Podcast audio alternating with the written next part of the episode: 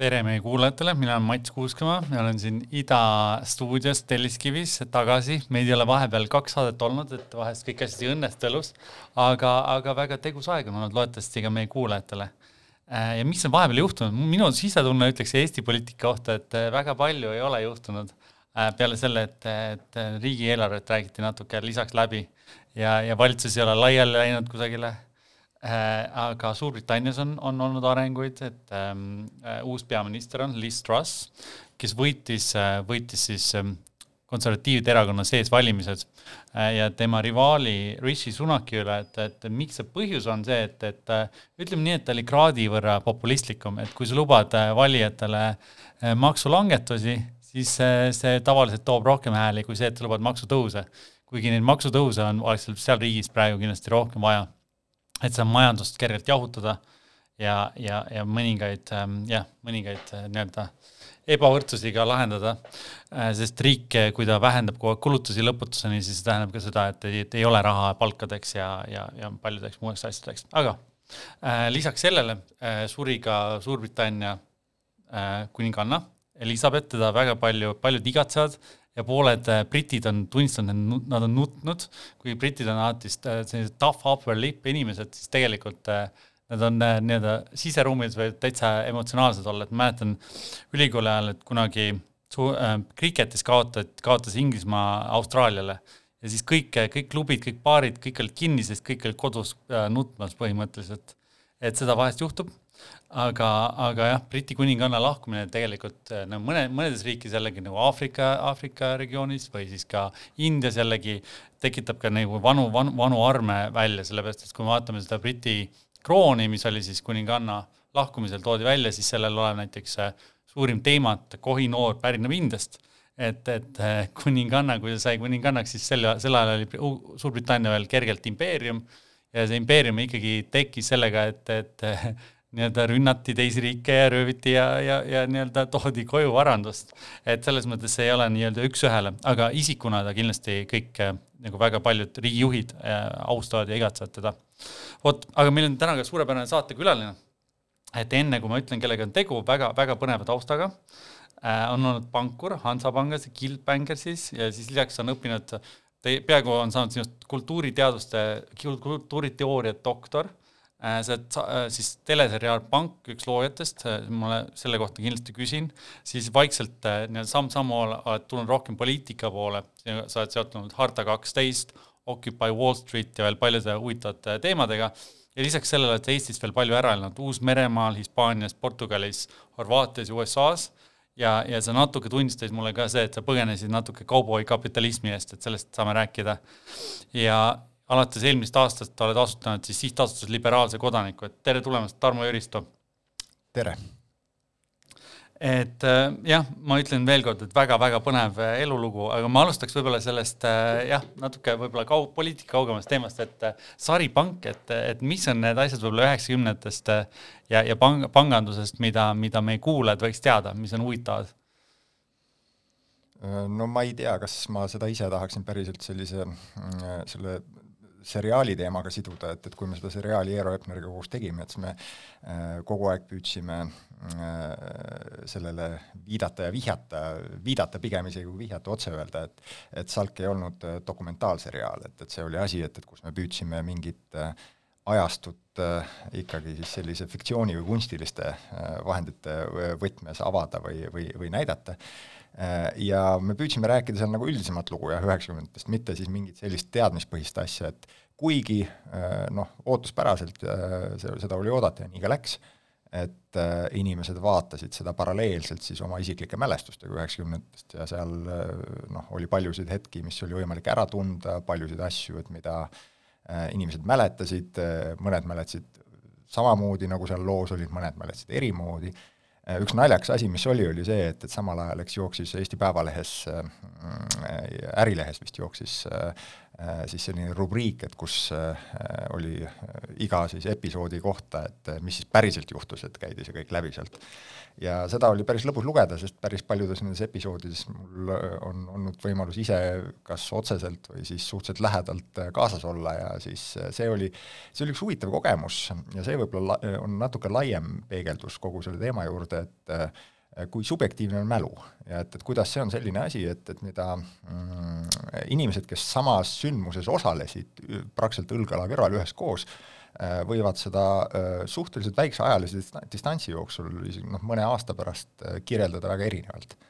ja üheksakümnendate mm, noh, minu jaoks oli aeg, et, et kus mina olin kahekümneaastane, et, et kahekümnendates et see oli selline äh, noh, tänase ütleme, viiekümneaastaste inimeste jaoks selline noh, formatiivne periood või, või ja, ja mingis mõttes äh, see oli laiem taust selle juures, miks me seda lugu rääkida tahtsime, oli ka see, et meile tundus, et see oli ka nii-öelda selle uue äh, Eesti Vabariigi jaoks, milles me siis praegu elame, formatiivne periood. Ja, ja see oli huvitav näha, kui erinevalt inimesed seal mäletavad, kui erinevalt mäletavad inimesed, kes selles osalesid, kui erinevalt veel omakorda mäletavad seal seda ajastut inimesed, kes sellel ajal noh, aktiivselt ei osalenud selles, ütleme sinu põlvkond on ju, eks, et, et inimesed, kes olid siis natuke liiga noored, et, et seda äh, päris nagu vahetult, vahetult ise mäletada, aga kes, kellel ometigi on sellised, kuidas öeldagi, nagu mälestuste proteesid, et äh, mälestused, mis on saadud kuidagi mitte isiklikult, vaid siis noh, mingi folkloori kaudu, vanemate lugude kaudu, lugedes selle kohta ja nii edasi, et, et seda, seda oli väga huvitav jälgida. Ja eks inimesed elavad erinevaid elusid ka nii-öelda nullindatel ja kahekümnendatel, et, et kindlasti üheksakümnendatel olid ka need käärid väga suured, et milliseid elusid sai elada. aga igatahes põnev, põnev teema ja võib-olla see äh, ikkagi panganduses töötamine on ju, sa, sa, sa alustasid panganduses ka, ma ei tea, kahe, see oli üheksakümnendate lõpus või ma ei tea, millal sa äh, keskel ma lõpetasin ülikooli üheksakümmend kolm või neli ja siis ma juba esimesel aastal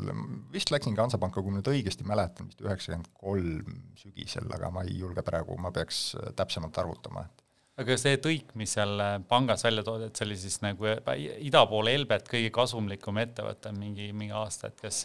millest, millest see, millest see ikkagi tuli, see nii-öelda Eesti või noh, kui, kui me vaatame just panganduse vaatest, et Eesti äri nii, nii tohutu kasv äh,? See on omaette pikem, pikem jutt ja vääriks ilmselt ka mingit raamatut või mm., või vähemalt teleseriaali, et, et seda lahti rääkida, seda me mingis mõttes püüdsimegi rääkida seal veidikene. ja, ja üks asi, mida tol ajal tuli üsna palju, kui see seriaal välja tuli, siis paljudes nagu niisugustes intervjuudes äh, Äh, kommenteerida ja märkida ja see mm, minu enda selline seisukoht, olles seal isegi elanud äh, selle aja läbi ja, ja ka enda kohta käib see, on see, et, et äh, meil oli hirmus palju õnne mingites asjades, et mingid asjad läksid lihtsalt nagu õnnestusid, mingid asjad läksid õiget pidi, mis oleks võinud minna teistpidi. seal tulid välja noh, mingid sellised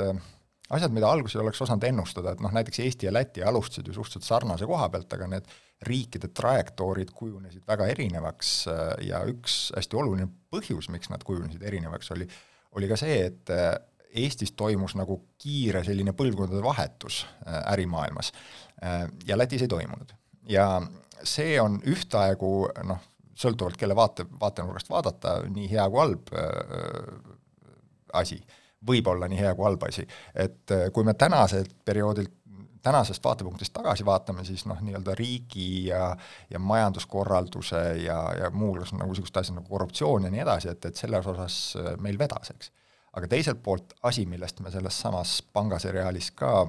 muuhulgas ja mööda minnes ühe liinina nagu puudutasime, mainisime, oli see, et et äh, üheksakümnendad Eestis tõi kaasa ikkagi sellise praktiliselt nagu maha kirjutatud põlvkonna et äh, kes olid inimesed, kes olid umbes nii vanad, kui mina praegu olen,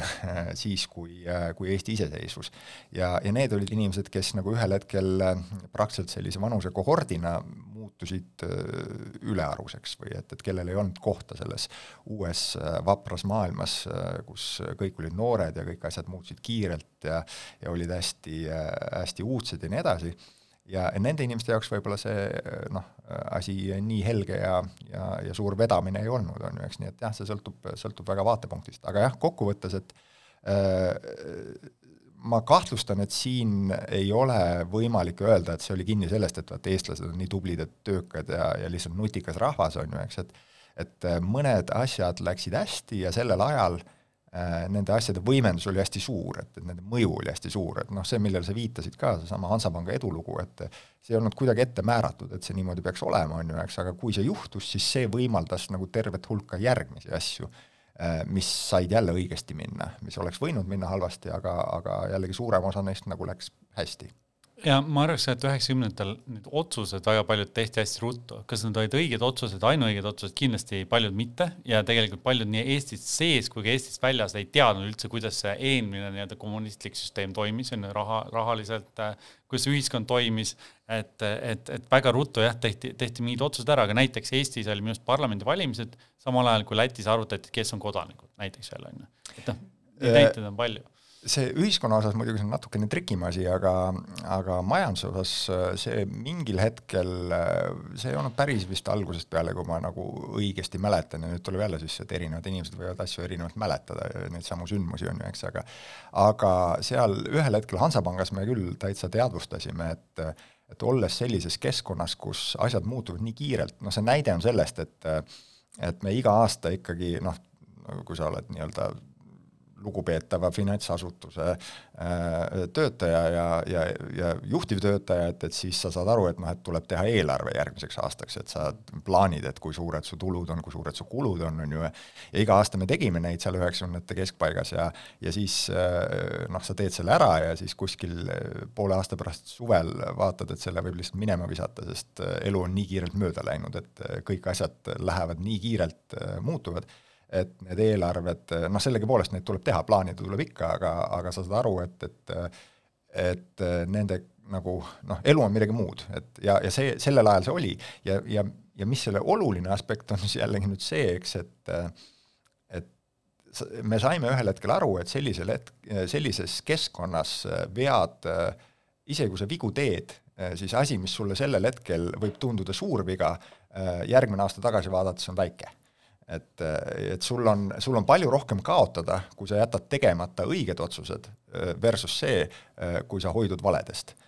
ja, ja see mõte oli see, et, et, et see on okei okay teha vigu. Nende vigade kaal ja asi, nii nagu noh, praegu me räägime, oleme mures inflatsiooni pärast, on ju, eks, et et see sada eurot, mis sa praegu justkui nagu kaotad, järgmine aasta on väärt kaheksakümmend, sealt järgmine veel vähem, on ju, eks inflatsioon teeb selle töö, mis sellel ajal tegi majanduskasv, on ju, eks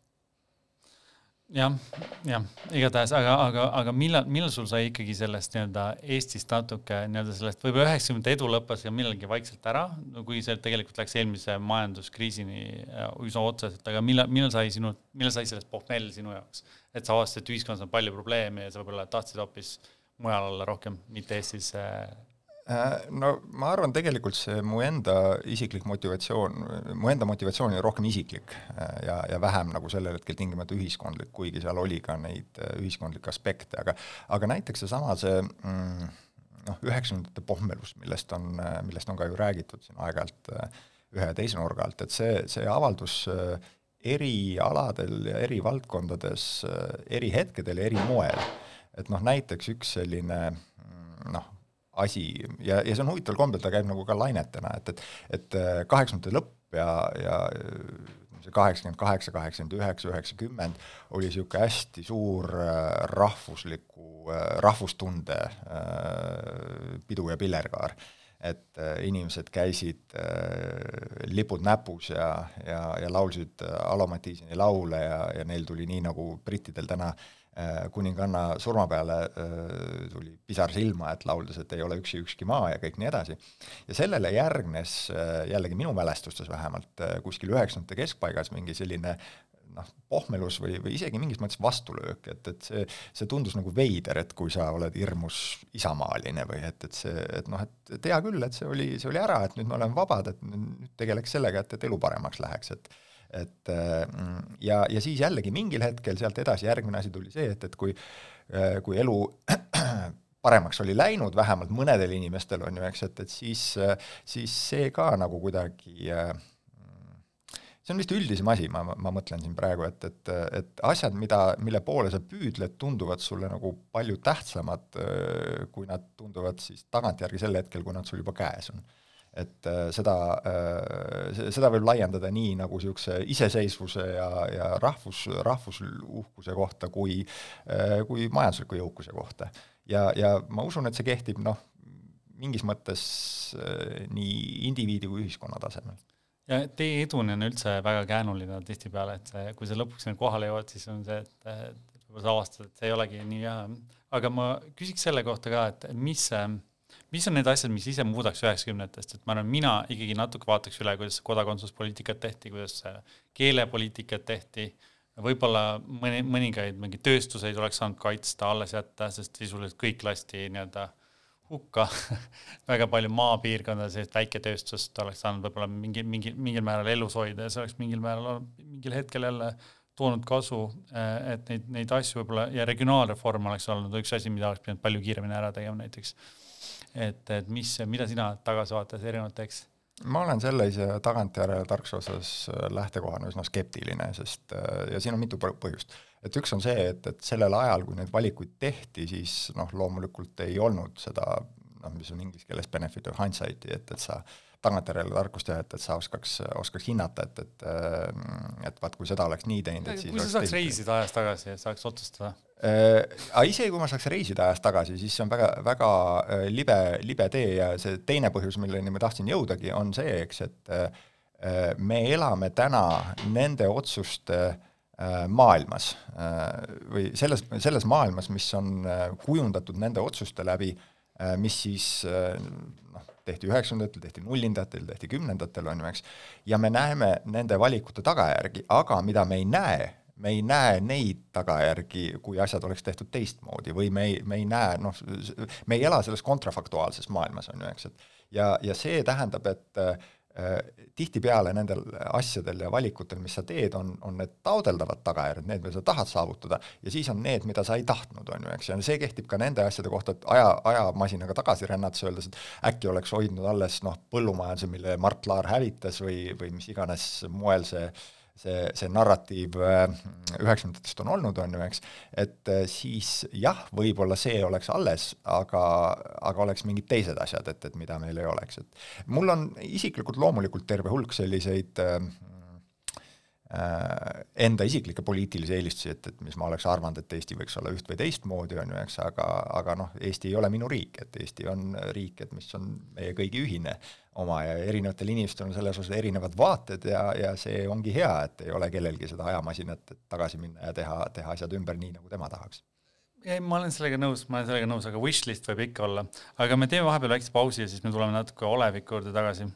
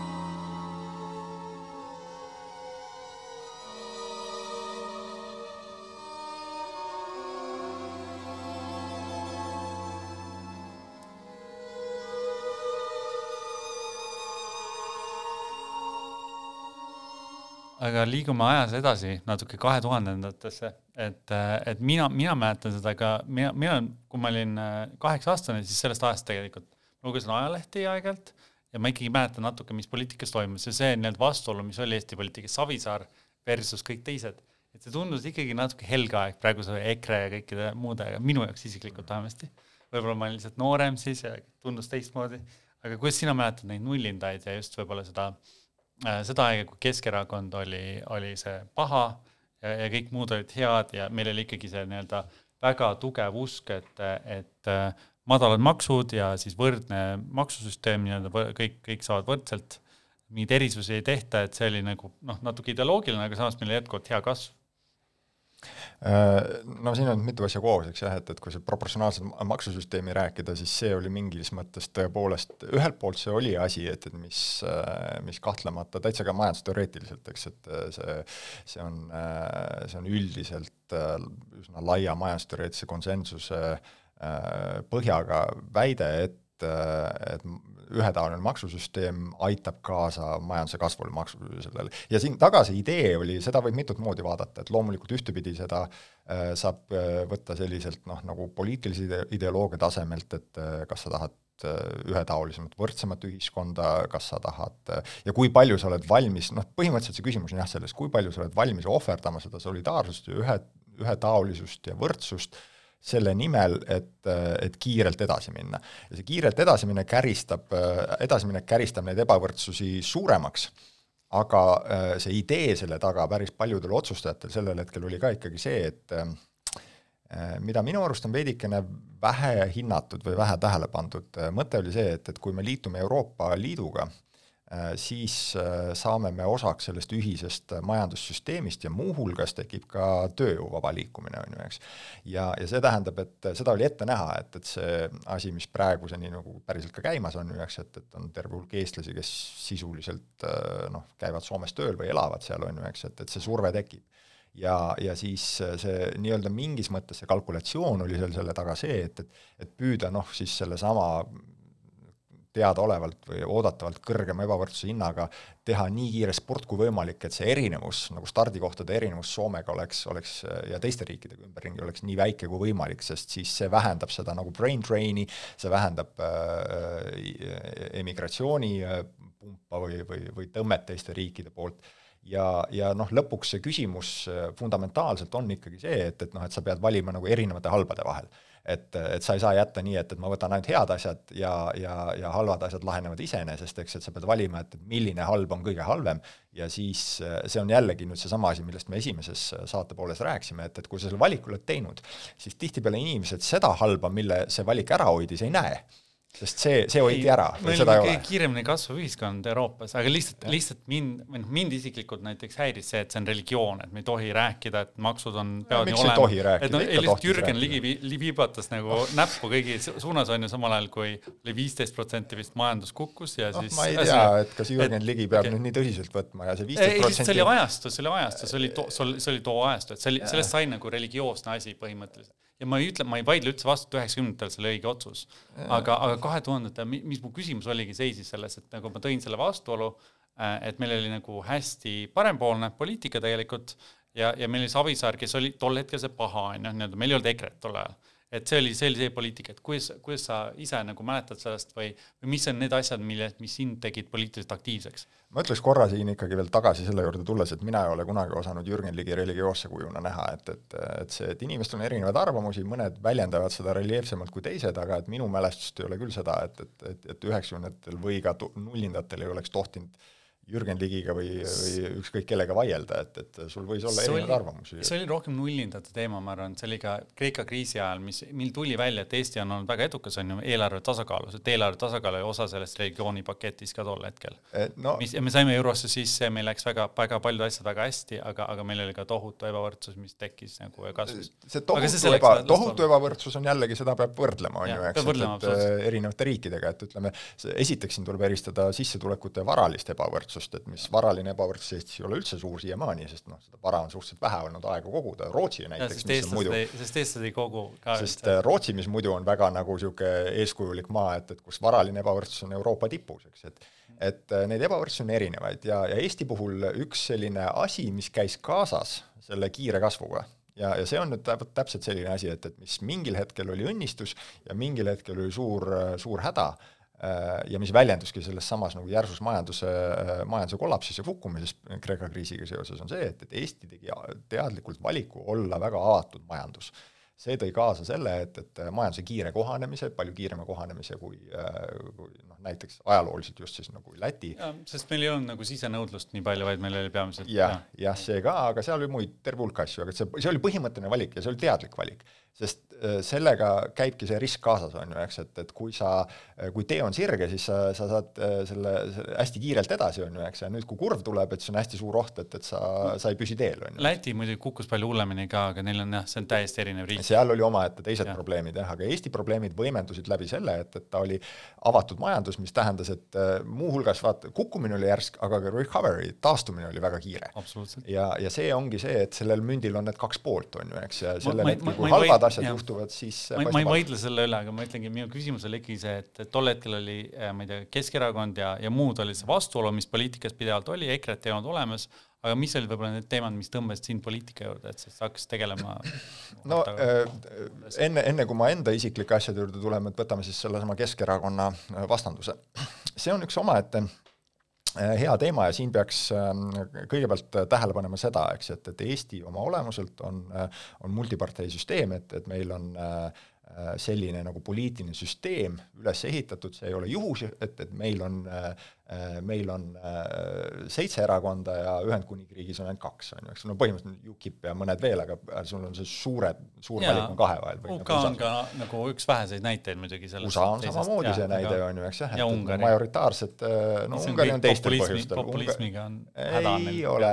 ei ole siin populismi küsimus, sest USA-s oli kaheparteisüsteem ammu enne, kui oli Trump, on ju, eks, UK-s samamoodi, UK-s on kaheparteisüsteem olnud teised aga, aga populismiga on nad nüüd hädas. Et äh, aga populismiga on hädas ka kõik multiparteidega riigid, on Soome hädas, on Eesti hädas, on kõik et äh, see, see ei ole seotud äh, majoritaarse valimissüsteemiga. majoritaarne valimissüsteem on see, mis määrab selle, kas sul on palju erakondi või sul lõpuks jäävad alles kaks. see on lihtsalt see vahe muidugi, et kui, äh, kui sul on ikkagi kahe partei süsteem, siis, siis mingi hetk, kui see nii-öelda suurim partei saab kõige rohkem hääli, siis tal on ainuvõim, kuigi vähemus hääled aga need vahetuvad, need vahetuvad, sa vaatad UK-s no, samamoodi. selles mõttes, et tavaliselt auto,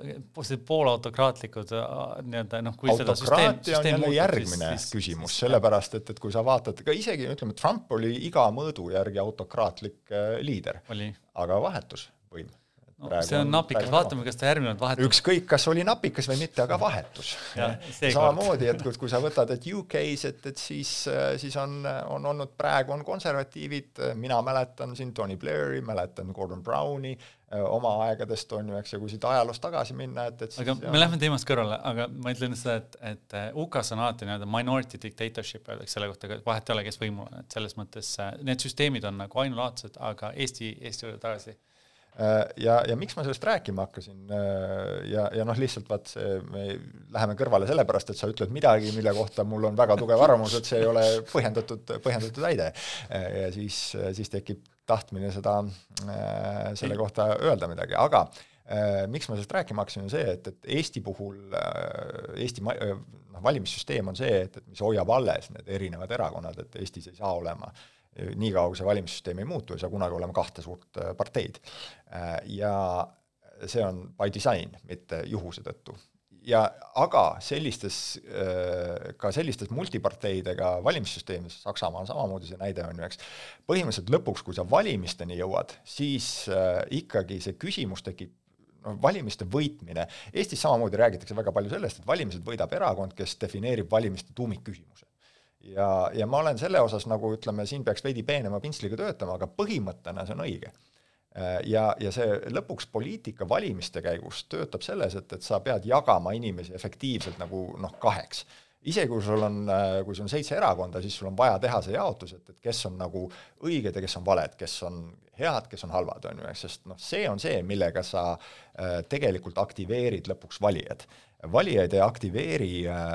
on väike hulk valijaid, keda sa aktiveerid tegelikult policy küsimustega, sellega, et noh, et vaata, et õpetajate palgad sellised või nii edasi, isegi kui sa räägid õpetajate palkadest, siis sa tahad teha sellest nii-öelda moraalse teema ja moraalne teema on see, mis võimaldab inimestel jagada äh, siis asju halbadeks ja headeks, on ju, eks. ja, ja see on asi, mis on duaalne äh,. et moraali küsimustes meil ei ole seitset erinevat nagu sama head alternatiivi, et, et seal asjad lõpuks jõuavad ikkagi hea ja halvani. Ja, ja see on asi, mis töötas äh, Eesti poliitikas aastaid ja aastaid, Reformierakond äh, ja EKRE või Reformierakond ja Keskerakond, mõlemad, nad mõlemad olid huvitatud sellest, et nemad oleksid need nagu Eesti poliitikat defineerivad suured poolused, see jagas efektiivselt valijaskonna kaheks ja see tõstis nagu mõlema äh, valimisšansse. ja nüüd on see tõepoolest, nagu sa enne ka viitasid, nihkumas sinna, et, et väga tõenäoliselt nende valimiste puhul on esimest korda siis nagu üle niisuguse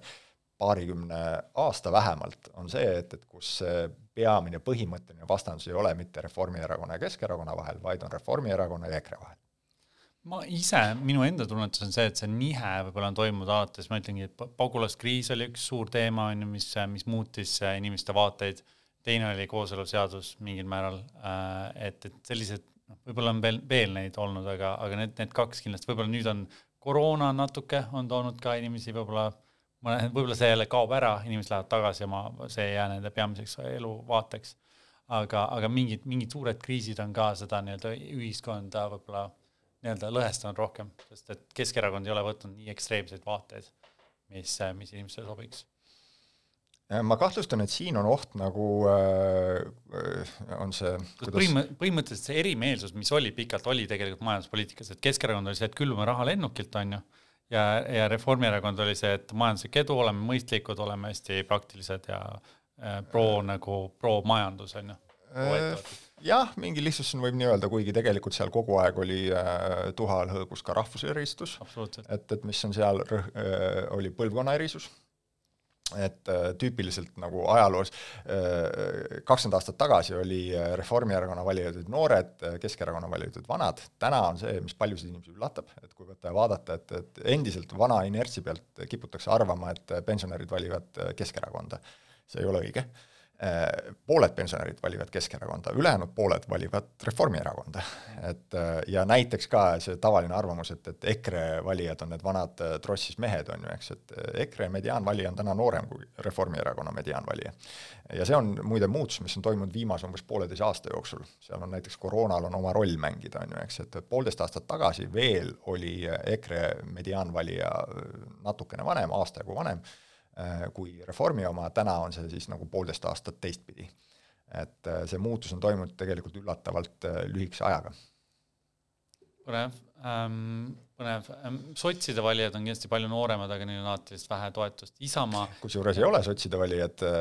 keskmisena noored. sotside valijad on omaette huvitav kooslus, sest sotsidel on äh, see on, see on üldse, kõigepealt lähtekohana tuleb öelda, et see on üks suur illusioon, milles terve hulk Eesti muidu täitsa nutikaid ja intel-, intelligentseid poliitikuid ka elab, et äh, erakondade valijad on homogeensed rühmad, et, et need on äh, seltskonnad, kes on nagu omavahel sarnased ja see ei ole ei, nii. ei, mis ma tahtsin öelda, näiteks eelmise Tallinna valimiste ajal ma, ma panin tähele lihtsalt, et sotside kandidaate toetasid nooremad, nooremate seas oli neil lihtsalt suurem toetus. võrreldes vanemate seas. Tallinnas see on nii, aga, aga kui sa lähed Tallinnast välja, siis sotsidel on terve hulk toetajaid, et, et kes on need endised nii-öelda noh, needsamad, need Ivari Padari valijad, keda äh, Lauri Läänemets läks taga ajama, on ju, eks, et sotsidel on omad noored Äh, noored naised on, kes valivad, on ju, ja siis on nagu sellised äh, noh, nii-öelda need vanad sotsid äh, äh, linnadest väljaspool. Ja, ja see on, need on kaks seltskonda, kes on näiteks sellistes sotsiaalliberaalsetes küsimustes väga erinevatel seisukohtadel, et, et kooseluseadus on hea näide sellest.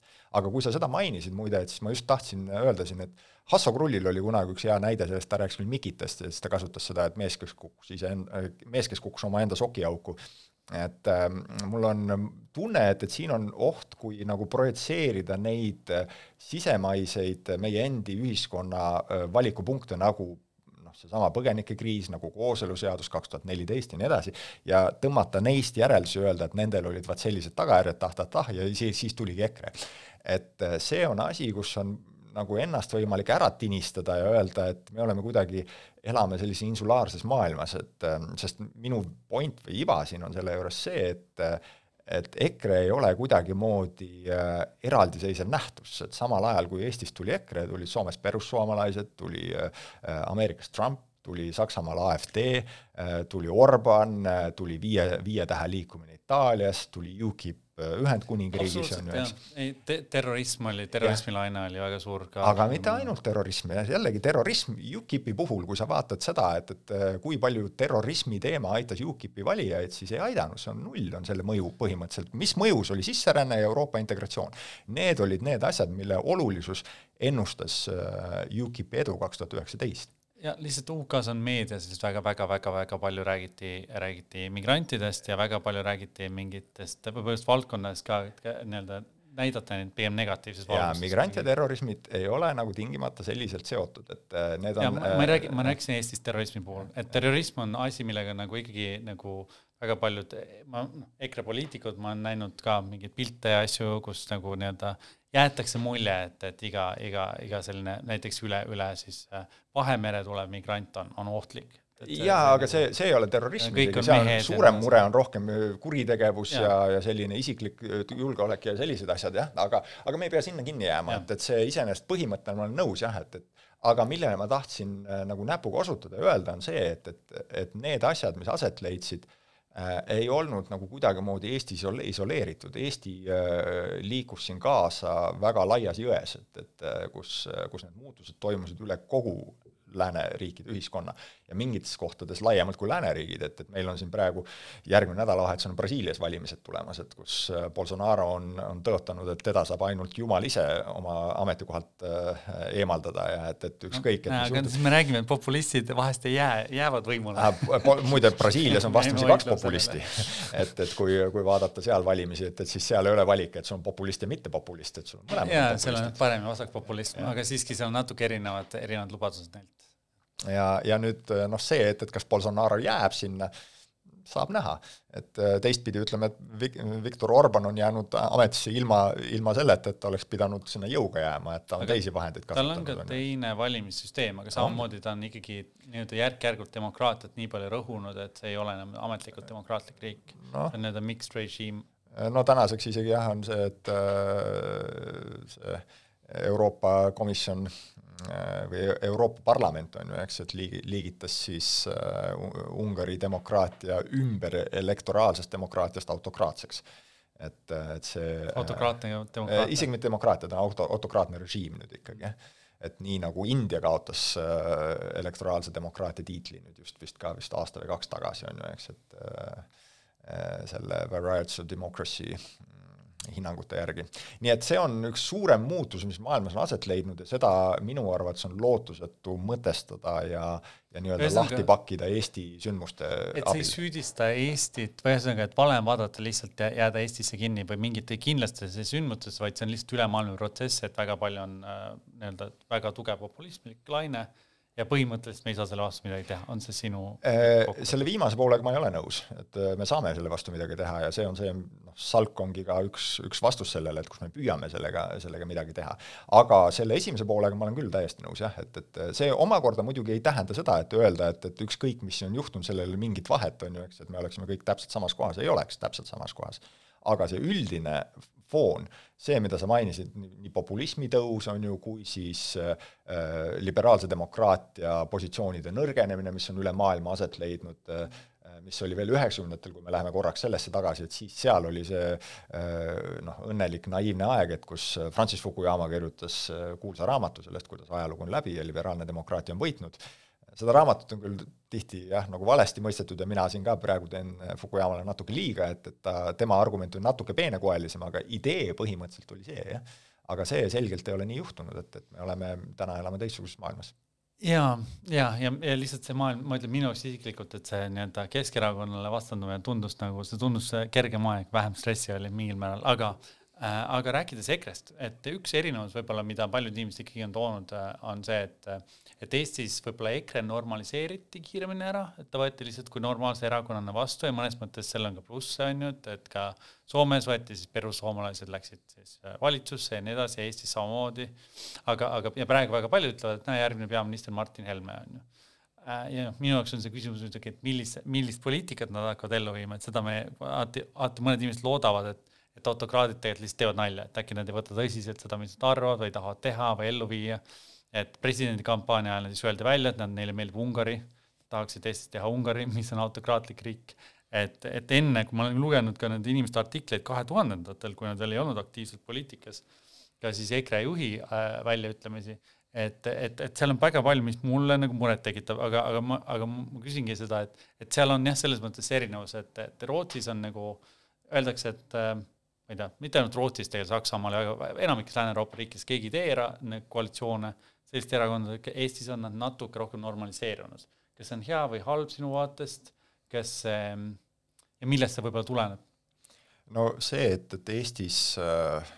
noh, ma ei no kasutame seda väljendit, ütleme, et EKRE, EKRE normaliseerus oli tegelikult ikkagi suhteliselt selline spetsiifiliste olude kokkulangemine ja lõpuks siis äh, Jüri Ratase ja tema lähemate kaasvõitlejate valik ja otsus sellel hetkel, kui, äh, kui see koalitsioon tehti. ka Isamaa erakonna? Äh, Isamaa, Isamaa oli seal kaalukeeleks, et, et see oli ka tema, nemad võimaldasid, aga, aga tegeliku valitsuse noh, tegemise otsuse valiku Isamaal ei olnud võimalik valida, et äh, noh, kas teha äh, koalitsioon Reformierakonnaga või mitte, see valik oli, oli Keskerakonnal. Ei, see valik kindlasti oleks olnud olemas. Keskerakond ei saanud teha, ei, see, mis ma tahan öelda, on Isamaal on lihtsalt nii palju kohti, kui neil on Riigikogus, nad saavad olla kaalukeel nad saavad olla see, kes võimaldavad koalitsioone EKRE-ga. jaa, aga sisu on ikkagi matemaatiline, et üks, üks, kui üks nendest kahest erakonnast oleks öelnud ei, siis seda koalitsiooni ei oleks sündinud, aga mõlemad ütlesid jah. aga see tähendabki kaalukeeleks olemist, see tähendabki kaalukeeleks olemist. vahet ei ole, nad mõlemad vastavad sellest. on vahe, on vahe, on vahe, vahe ei ole vastutuse kohas, vaid vahe on selles, et Isamaa ei oleks saanud valida ise teha Reformierakonna koalitsiooni, neil ei oleks olnud piisavalt hääli. Kesk oleks saanud seda valida. aga Isamaa oleks saanud teha Reformi ja sotsidega koalitsiooni, neil oli see valik. jaa, aga seda, seda sellel hetkel meile ei pakutud. aga see sisu on lihtsalt see, et Lääne-Euroopas ei juhtu sellist asja, Eestis juhtub. see on fakt. Lääne, kas Soome ei ole Lääne-Euroopa? Soome on üks näide, aga peale selle aga see ei loe, aga kui see, selle ära jätame, siis on nii. ma lihtsalt ütlen, et enamikes riikides selliseid asju ei juhtu. enamikes ei olnud seda, enamikes ei tehtud seda valikut, meil tehti, on ju, ja Soomes tehti samamoodi. jah sellel on nii häid teine asi on see, et perussuomlased ja EKRE, seal on päris suur vahe. Need asjad, mis nad on öelnud. Äh, seda sa tead täna, seda ei teadnud sellel hetkel, ma kahtlustan, et ei, nad ütlesid väga jubedaid asju enne, kui nad võimule tulid. ka perussuomlased ütlesid väga jubedaid asju. ütlesid väga jubedaid asju, sellel hetkel, kui nad võimule tulid, minu Soome tuttavate Facebook, keda mul on palju, kõik ütlesid, oi, et ma kolin Berliini, ma lähen nüüd siit ära, et see on katastroof, et see on täielik uskumatu asi, kuidas selline asi juhtuda on ju, eks.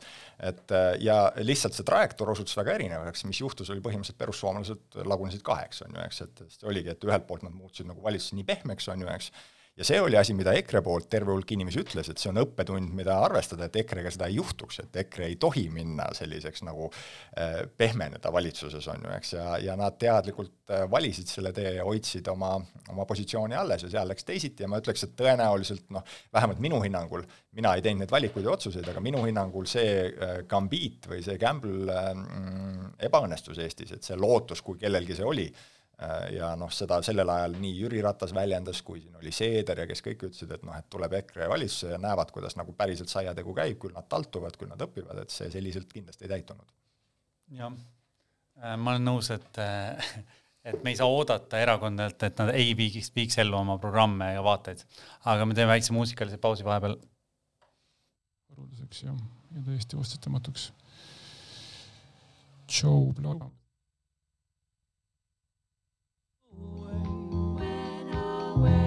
and I will never know the reason why you walk away and did not say goodbye. I will find someone, find someone who will take me as I am, who doesn't care about tomorrow might never come. Stormy night in winter, they will never be the same. Warm and tender has forgotten my name.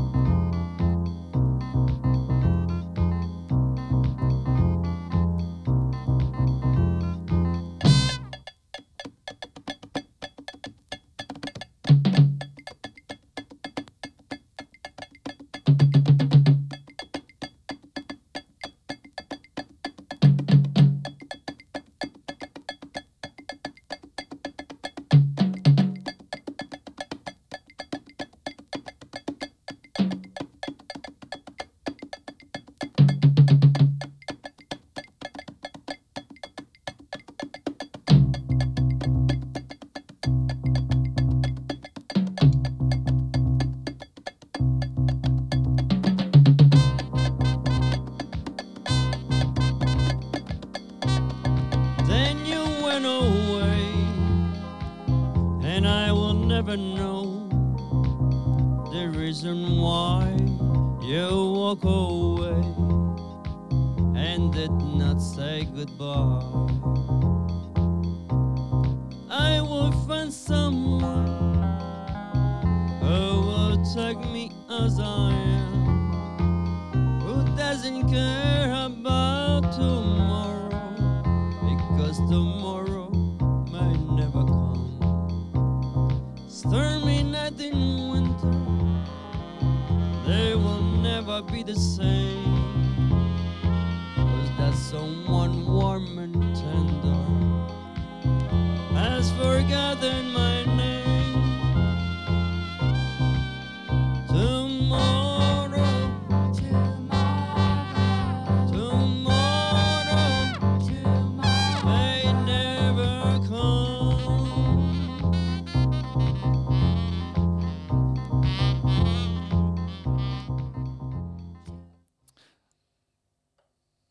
Aga räägime natuke statistikast, et ähm, üks teema, millest äh,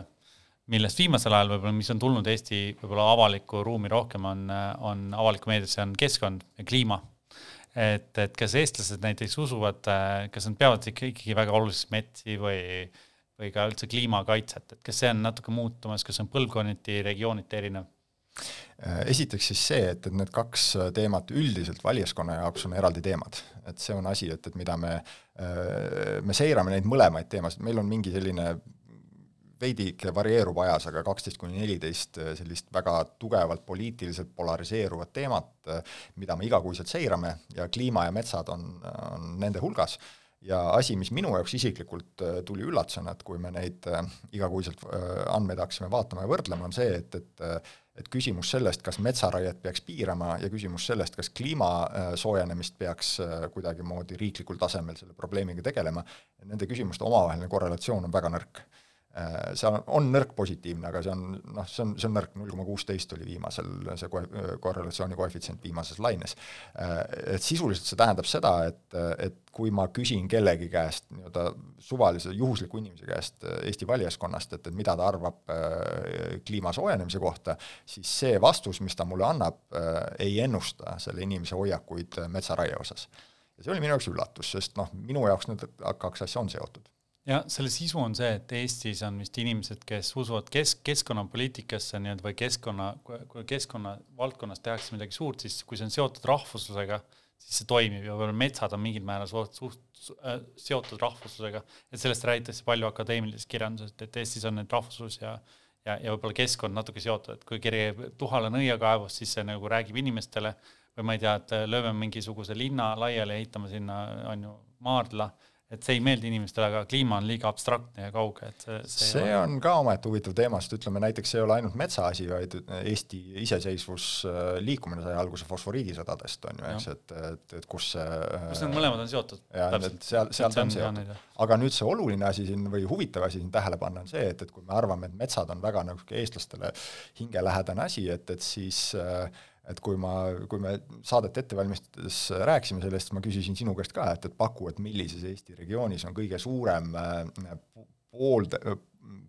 noh, kõige rohkem inimesi on poolt sellele, et, et metsaraiet tuleb piirata. ja ma olen seda hästi paljude inimeste käest küsinud ja siin viimase mõne kuu jooksul on üks inimene täpselt olnud, kes on selle esimese korraga ära vastanud äh,, aga enamuse seas inimesed müttavad tükk aega äh, rabas ja padrikus enne ja siis ei jõuagi selle õige vastuseni ja õige vastus on muidugi Ida-Virumaa. ja Ida-Virumaa sellepärast, et venelaste seas on äh,, on raiemahud veel palju teravamalt tunnetatud mure ja probleem kui eestlaste seas ja selle peale muidugi hästi paljudel inimestel tekib küsimus, et miks, et, et kust see põhjus tuleb ja, ja noh, andmetest ma seda põhjust äh, niimoodi otseselt välja võtta ei saa, aga minu selline hüpotees siin on selles, et äh, et eestlane loeb Mikitat, aga venelane käib seenel võimalik, võimalik, Ida-Virus on üldse vist natuke vähem met-, met-, metsi kui mõnes, ma ei tea, Kesk-Eestis võib-olla, aga see on jah, teine, teine, teine teema. Kesk-Eestiga võrreldes ei ole, et Ida, Ida-Viru ikka sinna Alutaguse metsad käivad sinna alla ja ja see on asi, et, et kus lihtsalt ka raiemahud on olnud üsna suured, et aga see, see on asi, et, et mida tõepoolest äh, Ida-Virus joonistub kõige selgemalt välja see, et Ida-Virus, kui vaadata Eesti äh, maakondi, on kõige suurem vastuseis äh, metsaraiele, aga on ka kõige jahedam suhtumine kliima, äh, kliimaprobleemidesse, kliimapöördesse. see on väga huvitav. üks teema, mis ma, mille peale ma vahest mõtlen, on see, et miks Isamaa erakond nii edukalt püsib, et, et mis, mis ta hoiab, kui me vaatame nagu Isamaa toetajaid siis konkreetselt ja kui palju nad on siis vahetuvad nagu EKRE toetajatega omavahel mm,? ei ole väga vahetuvad, see on omaette, seal, seal, seal tuleks natuke täpsemaid eristusi teha, aga esiteks ma küsiks seda, et, et mille järgi sa mõõdad Isamaa edukust? Ma, ma mõtlen selle järgi, et ta on suhteliselt väike olnud pikka aega, aga ta kuidagi väga edukalt tuleb tagasi, ta tuleb, toob oma valijad kohale, et ta on nagu tihtipeale ületab siis nagu,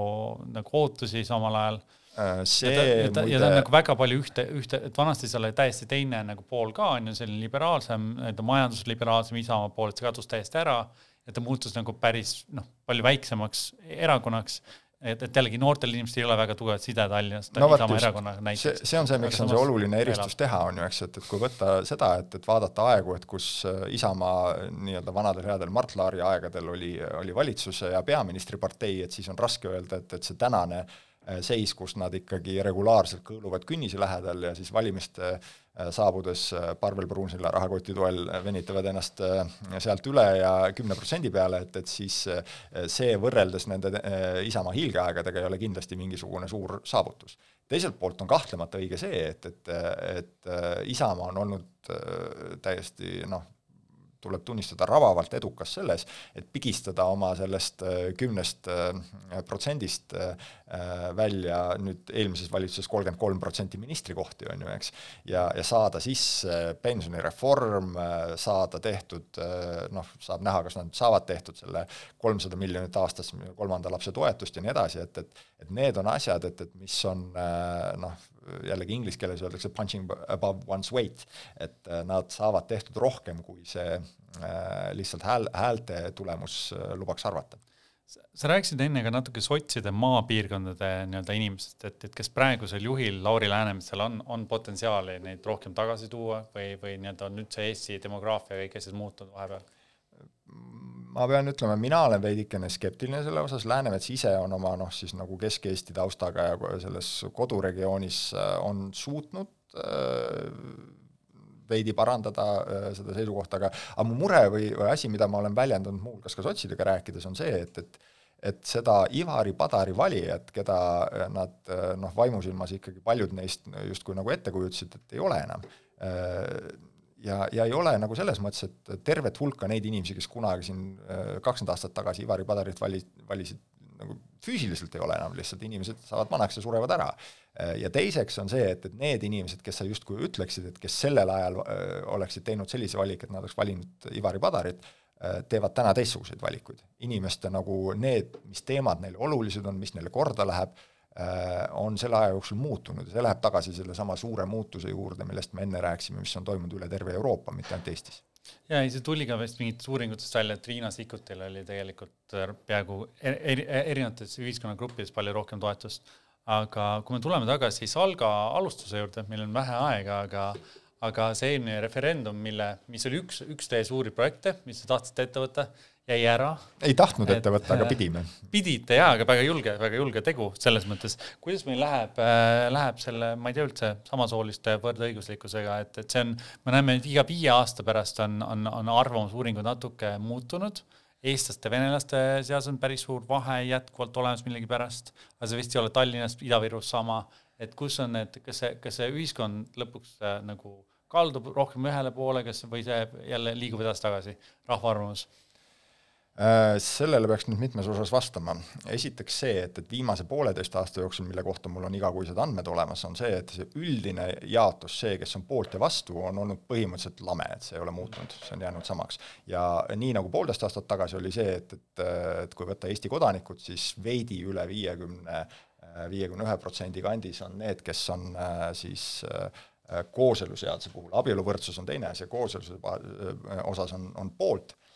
ja siis on mingi hulk, kes ei oska öelda oma arvamust ja siis on mingi hulk, kes on vastu. mis aga on juhtunud viimase pooleteise aasta jooksul ja see on selles mõttes halb uudis, et selle poolehoiu äh, nii-öelda tugevus on, on langenud, need inimesed, kes on kindlalt poolt, neid on täna umbes kümne protsendipunkti võrra vähem, kui oli poolteist aastat tagasi.